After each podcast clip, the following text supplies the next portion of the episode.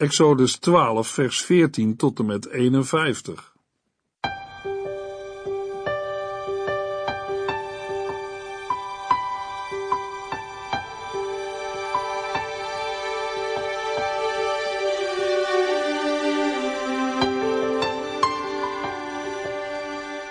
Hartelijk welkom bij De Bijbel Door, een programma van Transworld Radio. De Bijbel Door is een radioserie die u in vijf jaar meeneemt door de hele Bijbel. Van Genesis 1 tot Openbaring 22.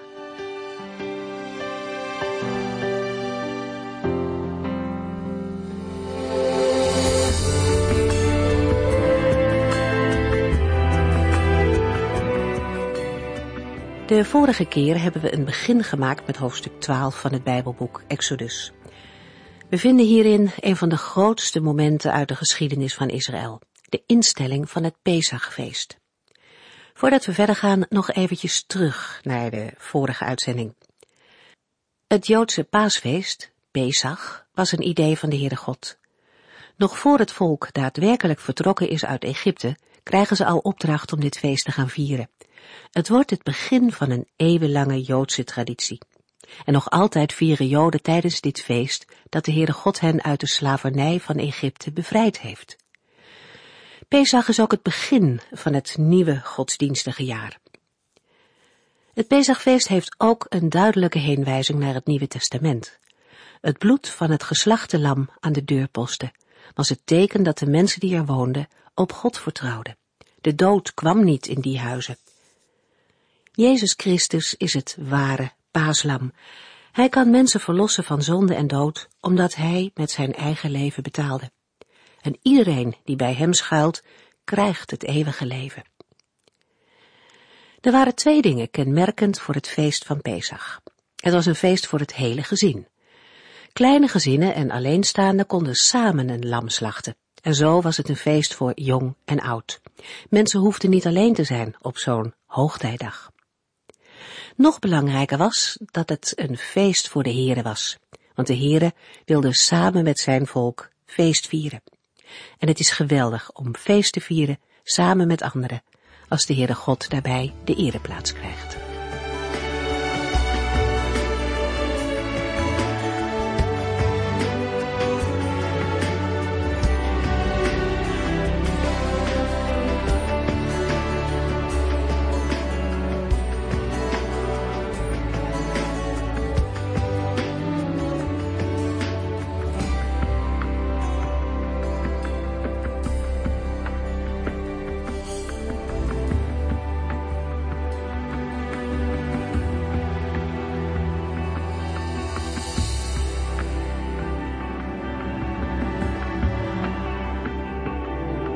In de vorige uitzending hebben we gezien en gelezen dat voordat Mozes en Aaron voor de laatste keer naar de farao gingen, de Heere opdracht had gegeven tot het instellen van het Pascha. Exodus 12, vers 11. Het moet een haastige maaltijd zijn. Iedereen moet klaarstaan om op reis te gaan. De sandalen aan en de wandelstaf in de hand. Het is een Pesach, een voorbijgang voor de Heere. De instructie in zaken de viering van het Pascha wordt afgesloten door de oproep deze dag telkens te herdenken. Exodus 12, vers 14. Voortaan moet u deze gebeurtenis elk jaar herdenken.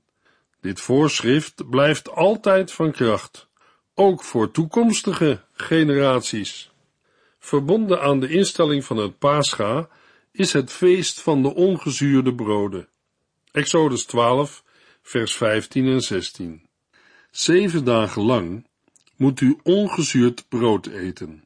Op de eerste dag van het feest moet iedereen het zuurdeeg weggooien, zodat niemand iets gezuurds kan eten. Degene die dat wel doet, moet uit het volk worden verstoten. Op de eerste en de zevende dag van het feest moet u voor een eredienst bijeenkomen en op die dagen mag niemand werken. Alleen het klaarmaken van eten is dan toegestaan. In Exodus 12 vers 8 hebben we al gezien dat tijdens het Pascha ongezuurde broden moeten worden gegeten. In vers 15 en 16 wordt dit gebod nader uitgewerkt. De uitwerking is de mededeling dat gedurende zeven dagen ongezuurde broden moeten worden gegeten. Vanaf de eerste dag dient ieder stuk zuurdeeg uit de huizen te worden verwijderd. Het lijkt erop dat het zuurdeeg hier wordt opgevat als een teken van bederf. Maar in het Oude Testament is dat nog niet echt duidelijk. Pas in het Nieuwe Testament komt het meer naar voren. Matthäus 16 en 1 Corinthiërs 5. Zuurdeeg mocht niet in allerlei offers aanwezig zijn, maar wel in de lofoffers die door de priesters gegeten mochten worden. In de latere Joodse traditie wordt het verwijderen van zuurdeeg uiterst nauwgezet uitgevoerd. In recente tijd kent men zelfs elektrische apparatuur waarmee zuurdeeg opgespoord kan worden. De straf op het nuttigen van gezuurd brood is streng.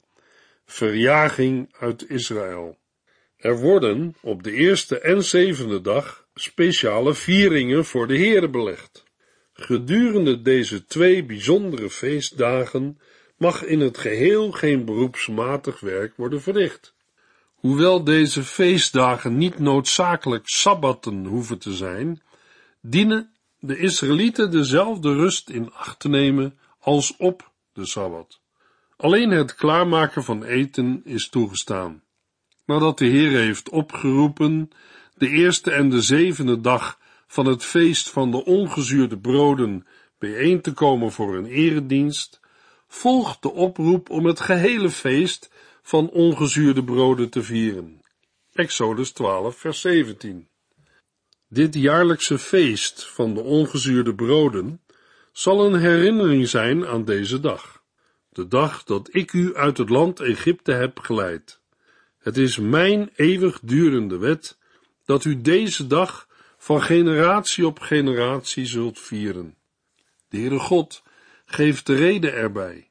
Juist wanneer ze dit voedsel bereiden, doet hij de Israëlieten uittrekken uit Egypte.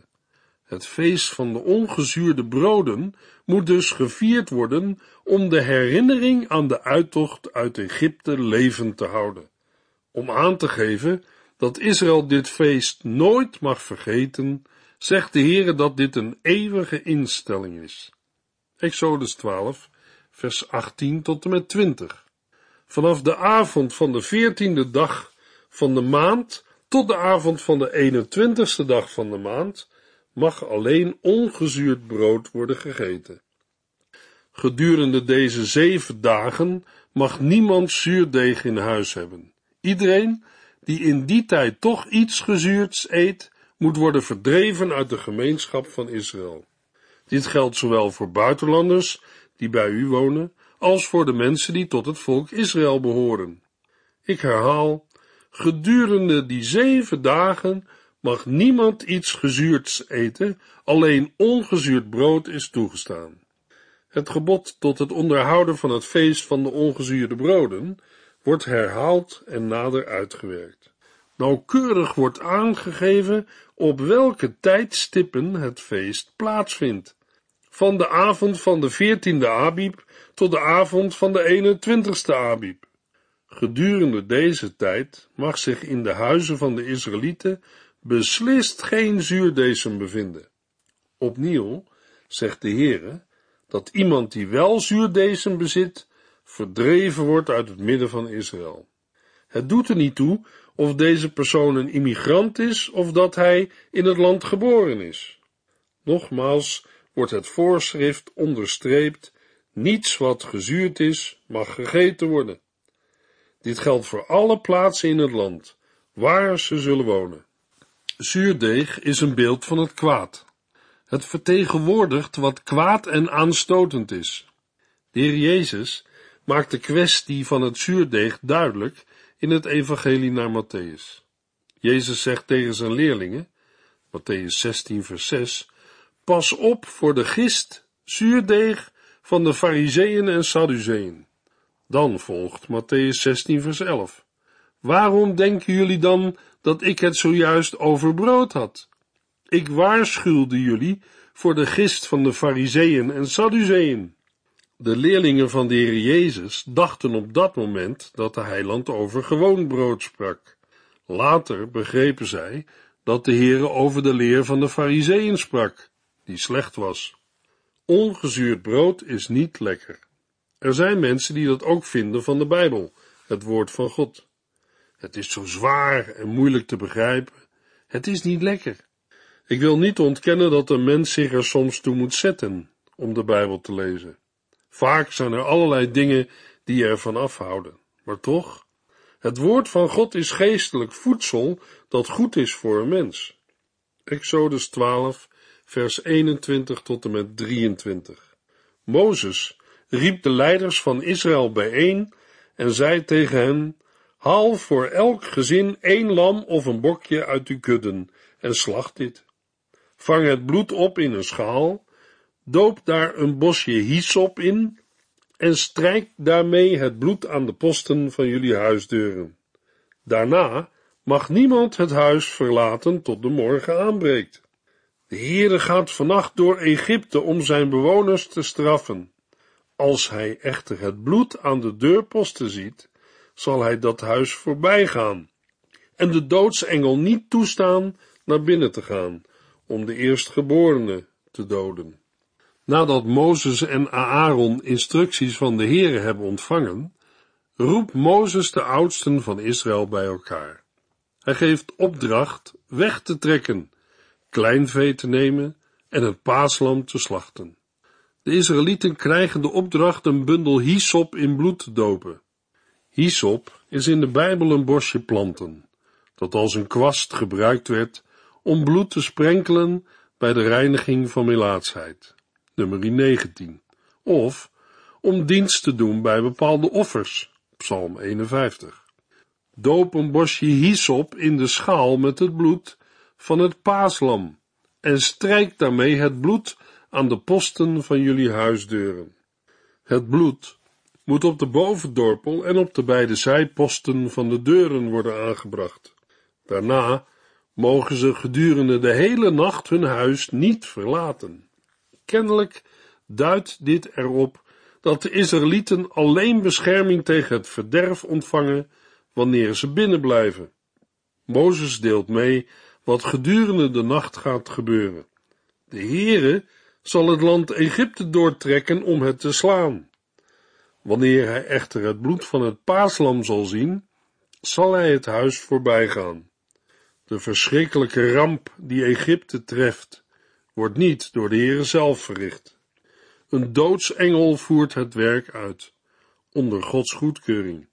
In de grondtekst wordt de doodsengel omschreven als de verderver. De verderver treedt met toestemming van de Heer God op.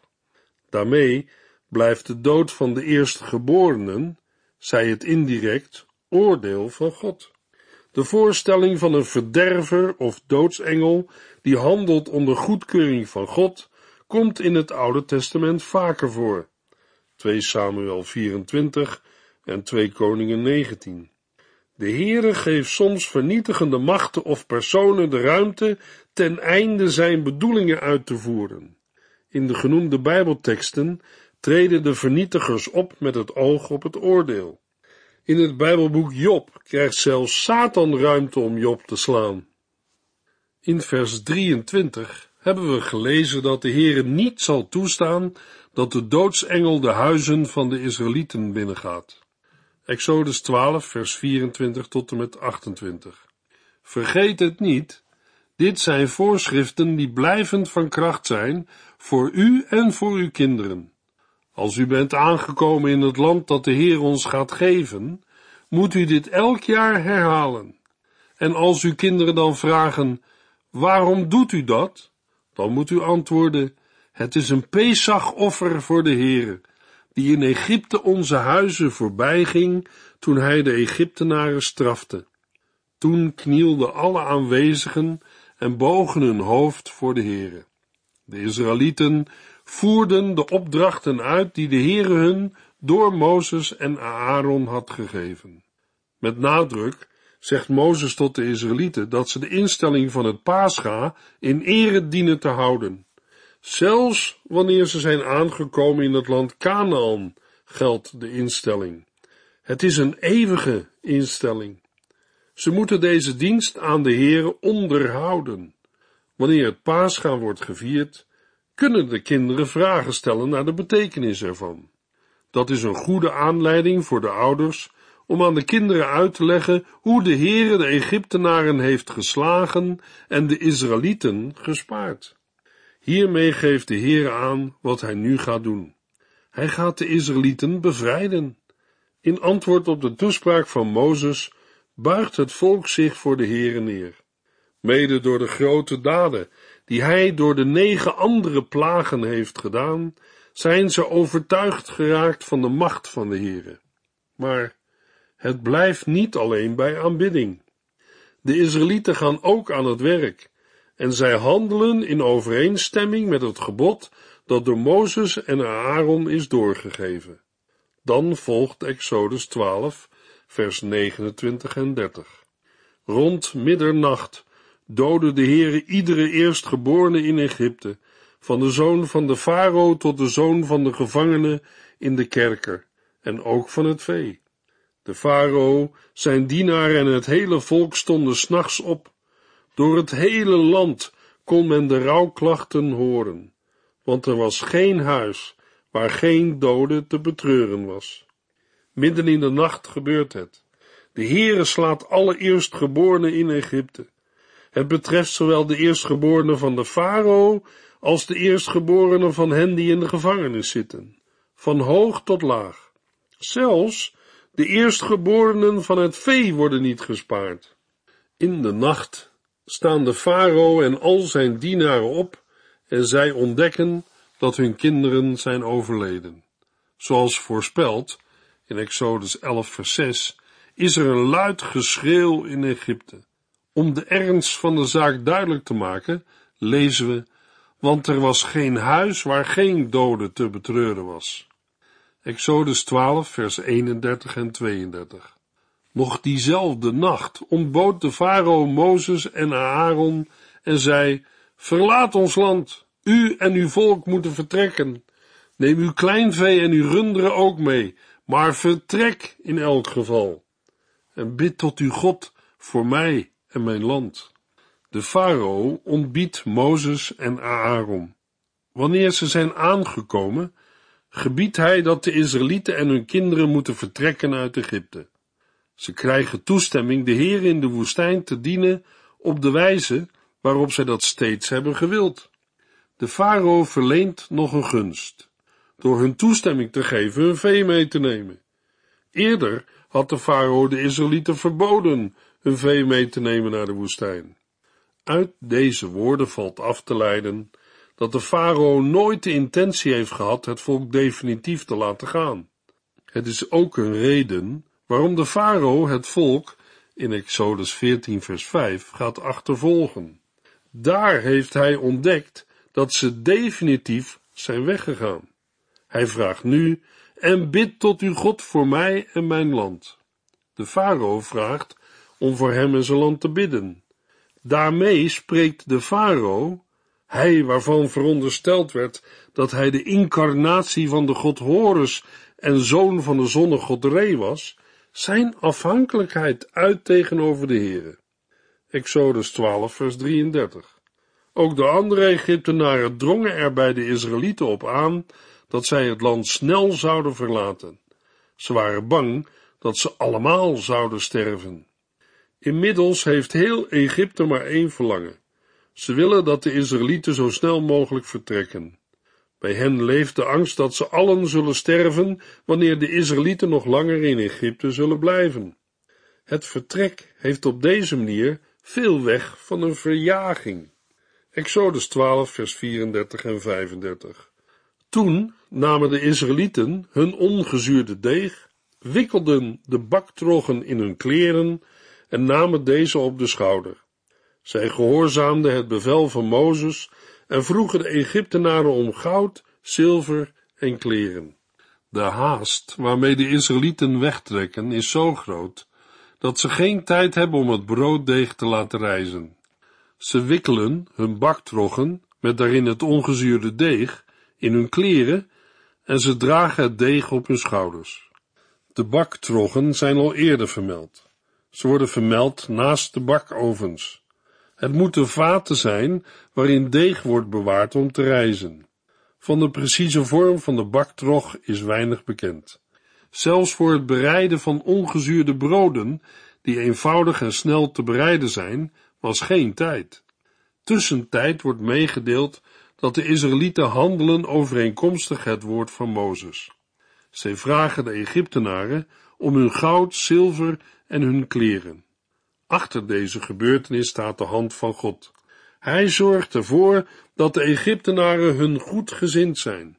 God geeft dat de Egyptenaren hen gunstig gezind zijn, zodat, toen zij erom vroegen, de Egyptenaren hen gaven wat ze maar wilden. Het was Gods manier om het achterstallige loon voor jaren slavenarbeid te innen. De Egyptenaren waren de Israëlieten zoveel achterstallig loon schuldig, dat de Israëlieten vertrokken met heel veel rijkdommen uit Egypte. Het leek wel of er een plundering had plaatsgevonden. In de versen 35 en 36 veranderen de tijden van de werkwoorden. De verhalende vorm wordt voltooid tegenwoordige tijd. Het is van belang om dat te zien, omdat het betekent dat dit gedeelte moet worden opgevat als een onderbreking. Er wordt bijzondere aandacht gevraagd voor wat er nu gaat volgen. Exodus 12, vers 37. Daarna verlieten de Israëlieten Raamses en trokken lopend naar Sukkot. Het was een menigte van 600.000 mensen, vrouwen en kinderen niet meegerekend. Eindelijk is het zover. Na lange tijd van slavernij en onderdrukking kunnen de Israëlieten optrekken uit Egypte. Ze vertrekken uit de Raamses en gaan in de richting van Sukkot. In Sukkot, waar zich een Egyptisch legerkamp bevond, slaan de Israëlieten hun kamp op. Ze vertrekken met 600 groepen. In de vertaling van het boek vinden we een andere weergave. Het was een menigte van 600.000 mensen, vrouwen en kinderen niet meegerekend. De grondtekst geeft voor de aantallen in vers 37 twee vertaalmogelijkheden, namelijk 600.000 mannen of 600 groepen, of generaties van mannen. De vertaling 600.000 mannen levert grote archeologische en historische bezwaren op, en daarom lijkt de vertaling groepen aannemelijker. Luisteraar, als u over dit punt meer wil weten, kunt u contact met ons opnemen. Opmerkelijk is ook dat de vrouwen en kinderen meetrekken. Dat staat haaks op een eerdere uitspraak van de farao. In eerste instantie had hij alleen de mannen toestemming gegeven om te vertrekken. Exodus 10, vers 11. Exodus 12, vers 38. Daarbij kwam ook nog een aantal mensen van niet-Joodse afkomst en bovendien al het vee. Zijdelings vermeldt vers 38 dat er samen met de Israëlieten ook een aantal andere mensen meetrekken. Dat het een opmerking terzijde is, blijkt uit eenzelfde wisseling van werkwoordstijd als in vers 35 en 36.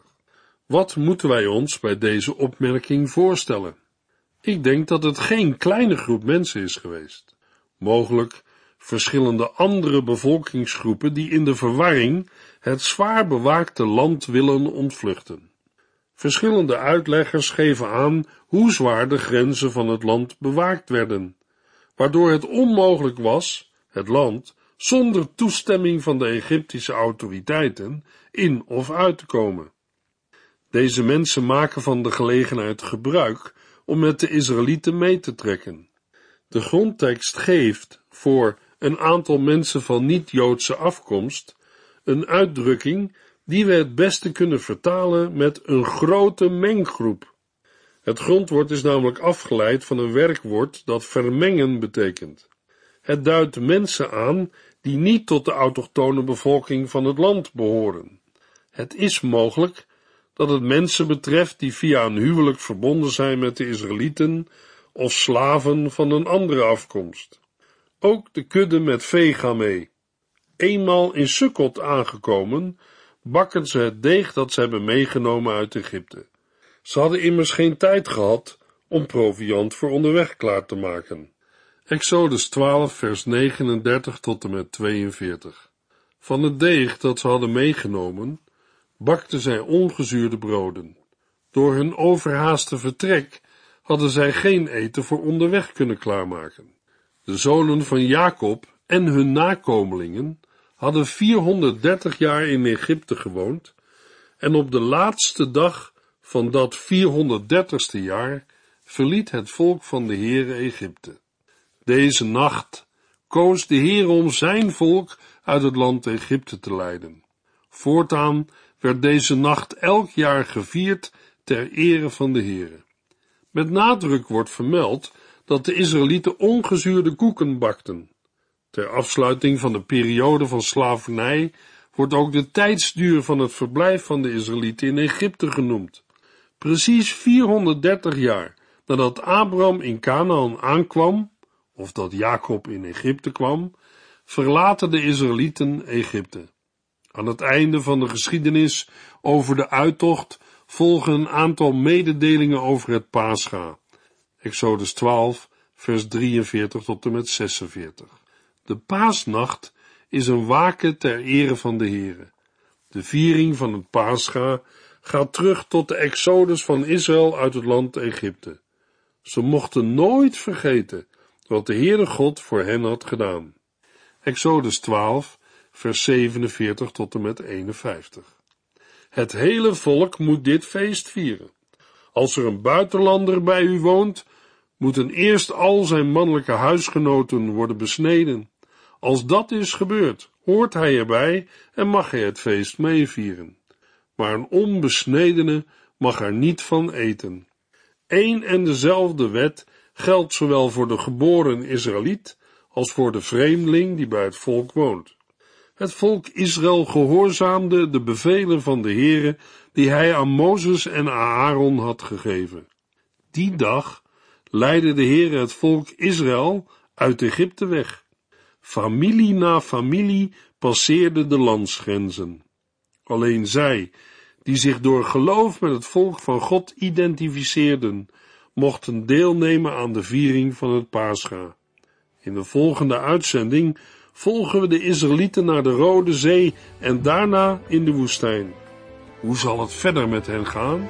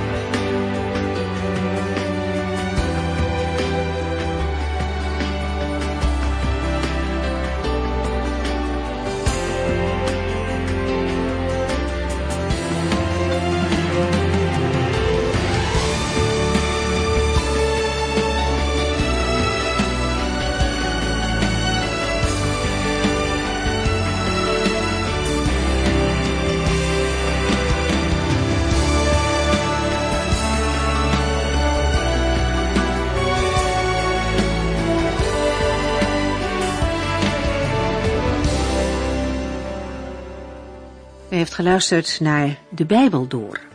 In het Nederlands vertaald en bewerkt door Transworld Radio. Een programma waarin we in vijf jaar tijd de hele Bijbel doorgaan. Als u wilt reageren op deze uitzending of u heeft vragen, dan kunt u contact met ons opnemen.